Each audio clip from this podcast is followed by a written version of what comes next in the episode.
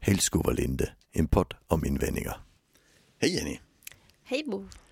Har du kommit på en ny invändning? Ja, det har jag. Mm. Och eh, den handlar om eh, det här med, men är inte lågaffektivt bemötande, är det inte rena, är det inte bara flum? Den är kul. Ja, Ja. Eh, Hur, vad tycker, hur tycker du om flum? alltså Ja, ja, precis. Det är intressant därför att jag tycker inte egentligen att flum för mig har inte någon, kanske alltid någon, det är inte så att det har en negativ klang enbart utan eh, alltså på något sätt så, så kanske snarare om jag skulle, att det tippar åt någonting som jag kan tycka är ganska positivt. Det känns liksom flexibelt och följsamt.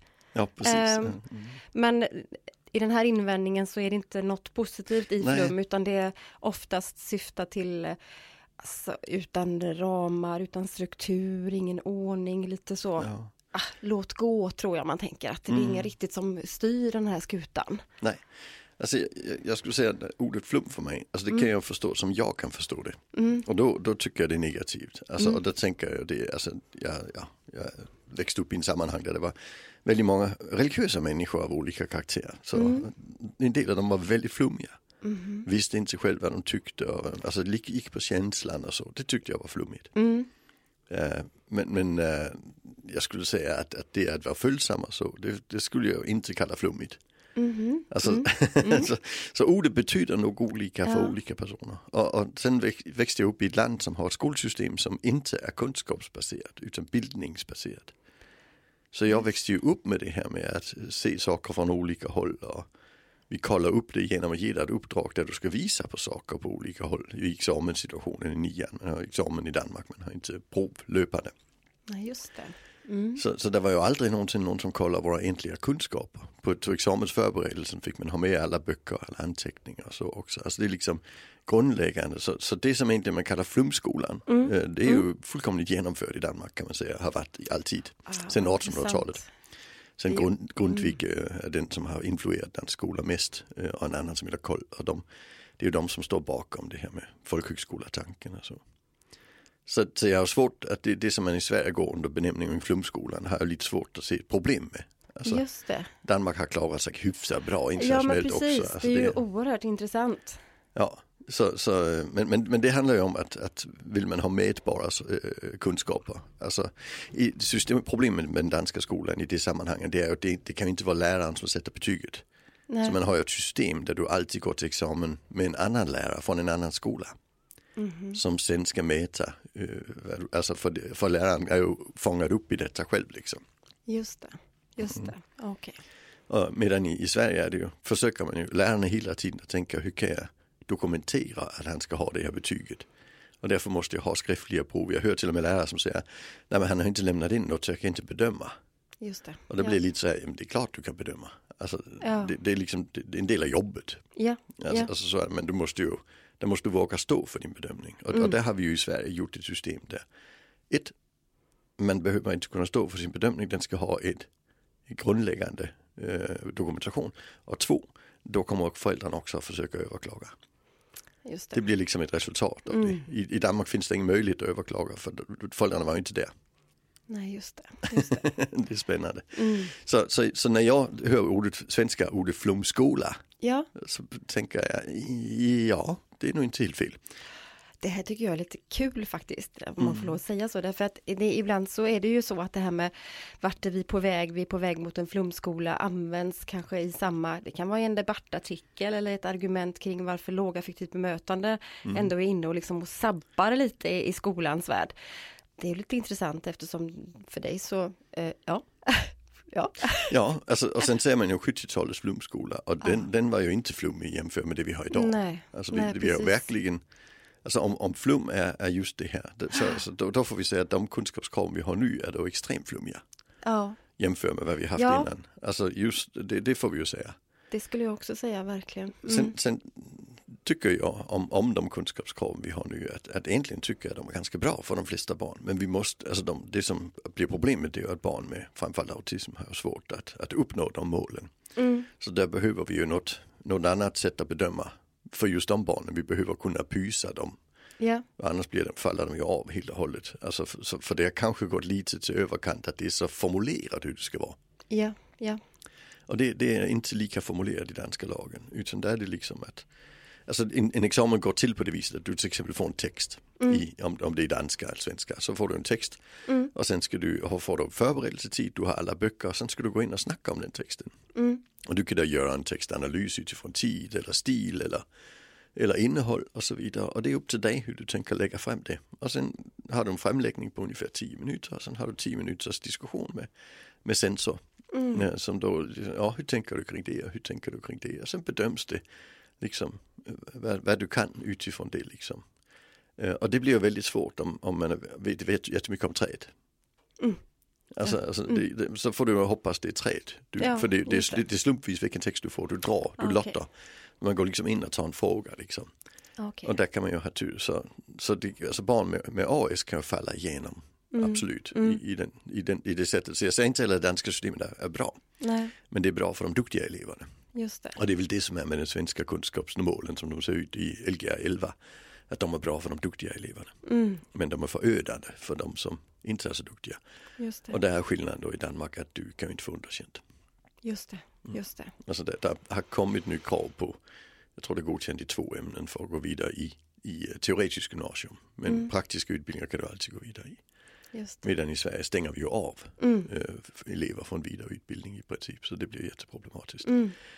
Så, så ordet flum där, det, det, nej, det, det kan jag tycka, det, det, det, alltså rena kunskapsprov där man ska liksom bara upprepa det som har stått i böckerna. Det tror jag inte jag är vägen fram att gå för att samhället ska utvecklas. Nej, nej, Men vi måste kanske hitta ett bättre sätt. just det. Men när det kommer till de lågaffektiva mötena är flummigt, Ja, ja, då skulle jag säga nej det är det inte.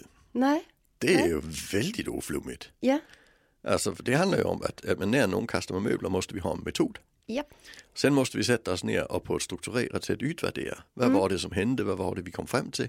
Och sen måste vi göra en plan för att, by- för att se till att det inte händer igen. Och då- i den planen har vi ju tydliga metodval också. just Så det. det är ju allt annat än flummigt. Mm, mm, Alltså där, där kan jag tycka att det är oförutsägbara i en lärare eller personal som, som tillrättavisar. ja, är faktiskt mycket mer flummigt. just det. Alltså för det, det, det kommer, det beror jag brukar fråga så här eh, lärare eh, och annan personal också såklart. Det här med, alltså ditt tålamod, är det lika stort varje dag? Nej, det är det nog inte. Nej, så hur du har sovit påverkar alltså när du sätter en gräns. Just det. Ja, så gränssättning blir väldigt, det blir väldigt flummigt. Det, det kommer som en blixt från en klar himmel väldigt ofta. Just det. Det är en väldigt bra, det är en väldigt bra fråga att ställa ju. Därför att, eh, ja precis, och hur ska eh, eleverna eller de vi arbetar med kunna förhålla sig till det? Hur, hur, hur, Mm.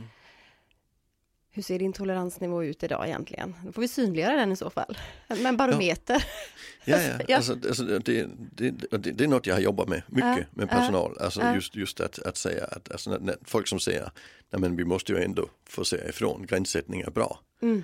Så, så, så är det liksom en trestegsraket. Och Den första det är, är dina gränser likadana varje dag? Ja. Eh, nej. Är hur, hur kraftigt du reagerar likadant varje dag? Mm. Nej. Nej. Nej. Är elevens uh, förutsägbarhet utifrån ditt beteende då likadant varje dag? Nej. Nej. Nej. Och reagerar du lika starkt gentemot alla elever Ja, med likartade beteenden? För där om vi ska det vara helt också, ärliga Ja, så, så, så skiljer det sig också åt. Ja, så det skulle jag någonstans säga, det, det är ju faktiskt lite mer flummigt Mm. än, än det sätt vi jobbar på. Där vi säger, men när saker händer, där har vi det här sättet att jobba Ja. på. Där det är strukturerat och, och, Ja. och, och fast liksom. Och jag tänker lite grann, du började, vi började här med att du frågade mig vad jag tänker på när jag, alltså ordet flum och där jag då faktiskt, ja men det, det, det är inte, det är liksom inte, det är inte givet att det är något negativt, men jag tror att det handlar om att, att jag har mött på just de här eh, kanske eh, lite för, för många, i för många år, lite för många gånger. Eh, att föreställningen om att, ja men, i- du kan ju inte ge mig ett jättetydligt svar, om detta händer då gör vi så här, eller om detta händer gör vi så här. Alltså, och då är det oftast kopplat till konsekvenser. Ja, precis. Ja. Eller kanske att man har ett metod, man, har väl, man vill, vill verkligen ha exakt en metod som talar om, om A händer så gör vi så, om B händer gör vi så. Och när jag då har kanske försökt att prata mer om bemötande, inkännandet, sätt att använda sin empati i arbetet som en viktig liksom, kompass. Att liksom, det går inte att säga exakt mm. vad man gör i en situation när ett elev hamnar i affekt eller en brukare liksom hamnar i hög stress. Så kan det uppfattas liksom för en del som flum. Och då har, tror jag att det har bidragit till att tänka, ja okej, okay, är det flum, då är det bra. Då ja, gillar jag det, för det är det jag ser fungerar. Mm. Att vara för fast i en ram och ha för många föreställningar i vad man ska göra, det, det hämmar oss mer än vad det faktiskt gör gott i stunden. Ja. Sen så betyder jo, inte det att, att inte det finns en tanke. Det finns en, verkligen en tanke när vi jobbar med lågaffektivt bemötande i praktiken. Ja, Framförallt vet vi mm. vilken väg vi inte ska gå. Ja. Alltså Bernhard Wiener visade ju i sin forskning på 80-talet att just våran, eh, alltså hur vi bedömer om personen är, själv är skyldig i beteendet. Mm. Alltså det, det, bestämmer ju i vilken grad vi använder gränssättning, om vi använder gränssättning, om det är liksom sättet vi jobbar på. Mm. Så är det så att vi upplever att han gjorde det inte med flit, det var förståeligt, så gör vi ju inte det. Så det blir väldigt olika från gång till gång. Mm. Alltså, och det har vi ju det har vi data på. Alltså ja. det blir väldigt olika från gång till gång. Ja. Det finns studier som visar hur mycket du gillar folk, att det blir olika från gång till gång. Alltså, mm. så, så, så, så, vi har ju, det, det är ju just flum i så fall. Mm, just det. Medan när, när vi säger att gränssättning funkar inte, det, det bygger ju också på studier. Det är, alltså, mm. Vi återkommer till Fraser hela tiden, den, den är så tydlig mm. att, att en gränssättning liksom äh, fördubblar äh, liksom problemet äh, i förhållande till att göra ingenting. Ja. Eh, och vi har eh, Stor Björkly och liknande forskning, 58% av våldet mot personal är i gränssättningssituationer. Så det, så det blir inte bra. Så vi väljer ju att göra annorlunda säga oj nu måste vi hantera, sen måste vi utvärdera, sen måste vi förändra. Mm. Så det blir bättre nästa gång. Liksom. Och det är, mm. det är då ett kvalitetssäkringssystem som träder till. Ja. Vilket skulle man kunna jämföra, jag, alltså, vi har tagit det systemet från flyget. Mm. Alltså om, om en pilot gör ett misstag mm. och, och andra piloten då skäller på honom. Ja. ja. Det är ju ingen jättebra lösning. Den, den övergav vi på 20-talet. Ja. Och sen börjar vi säga när en pilot gör ett misstag så gör vi en ordentlig utvärdering. Sen gör vi en struktur eller en rutin som gör att det inte händer igen. Ja. Och det är liksom sättet vi har byggt in det på och därför har vi så hög flygsäkerhet. Mm. Det, det, är så det funkar. För det att den andra piloten skulle skälla på honom, det skulle inte, det skulle inte hjälpa. Nej. Alltså vi kan inte bedöma kvaliteten i, i, i den insatsen i alla fall. Alltså det, det blir jättebesvärligt. Mm. Och det är precis samma sak vi gör mm. i, i, i, i lågaffektivt bemötande. Det är samma grundläggande kvalitetssäkringssystem. Mm. Och det träder i kraft när vi får en situation som kommer oväntat, kommer på ett sätt som blir svårt att hantera. Ja, ja. Det är ju väldigt oflummigt. Mm. Väldigt oflummigt. Ja, mm. det kan jag tycka. Mm. Mm. Ja, så det är det här med lågaffektivt bemötande bara skulle vara någon slags flum. Ja, för det första, vi behöver fråga vad, när den, den invändningen dyker upp, vad, vad är flum? Ja, vad är flum? Vad är flum? Alltså, handlar det om att folk som tror på kristaller eller vad menar du? Mm. Ja, för då är det verkligen inte detta. Nej, nej. nej det, det är ju en grund, alltså, det finns ett, ett arbetssätt som man kallar scientist practitioner. Mm. Och det betyder att när vi får en situation så tittar vi på den mm. utifrån.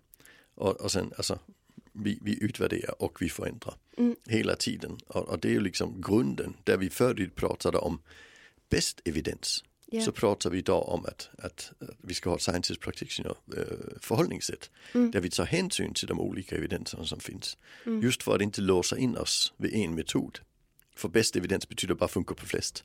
Just det. Äh, och, och de vi jobbar med, äh, som vi har problem med, är inte de som är som de flesta. Nej. Nej, så därför jobbar vi med scientist practitioner perspektivet.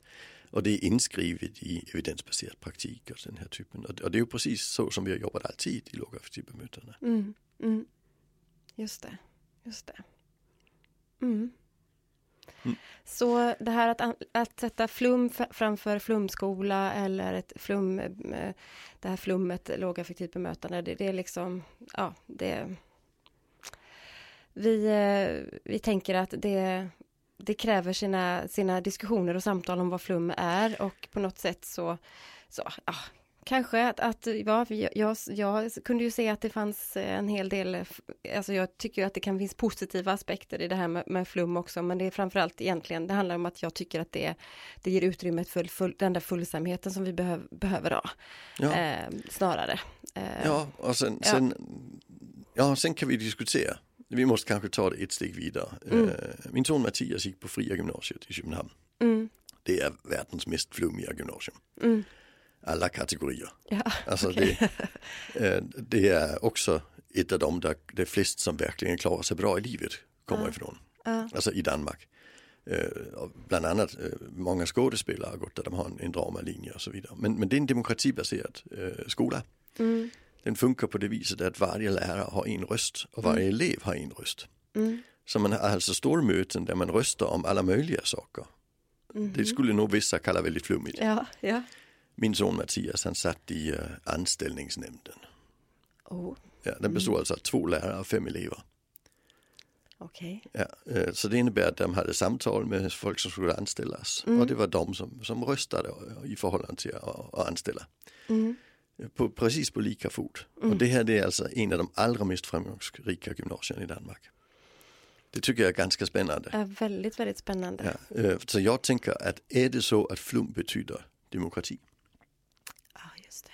För det skulle det kunna vara. Mm. Alltså det här med äh, rättigheter och demokrati och Mm. vem, hur vi tillmäter eleverna värde och så vidare. Är det det vi kallar flum? För då är det ganska spännande. Alltså för det, det är någonstans i, i svenska skollagen demokratimålet ju inskrivet Eh, från början. Alltså det är liksom där vi börjar innan vi kommer till kunskap så är det demokratimålet är liksom det som är det stora. Mm.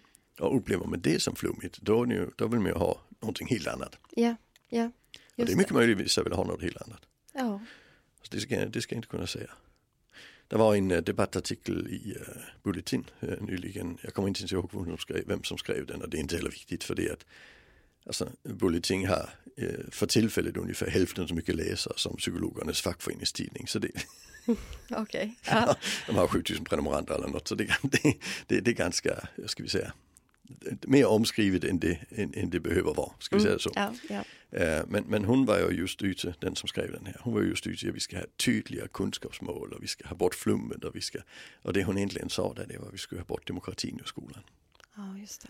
Just det. Och, och det, det tycker jag blir väldigt, väldigt Mm. komplicerat. Mm. Och, och då är vi inte ute i en höger-vänster diskussion längre. Eh, Där, Nej. där vi är ute i någonting annat Mm. Mm. som, som faktiskt handlar om att, montera ner det demokrati vi, vi bygger upp i Just skolan. det. Just det. Mm. Ja, Så, ja. jag tror vi, vi känner oss nöjda med Ja. detta. så för det första lägger vi ner flumbegreppet och för det andra Ah. så passar inte lågaffektivbemötande in i det. Nej, inte det minsta. Nej, med mindre det är demokrati och rättigheter man, man reagerar på. Just det, just det. Ja, och det kan det vara. Alltså Dansk Folkepartis nya äh, vad heter det, ordförande gick ju ut igår och sa att kravet för att äh, rösta på nästa regering det är att den regeringen vill gå ur människ- människorättighetsdeklarationen. Den vägen, Mm. nej, ja, dit ska vi inte. Dit ska vi Nej. inte. Det är Verkligen jätte, jätteviktigt. Mm. Tack för oss. Tack.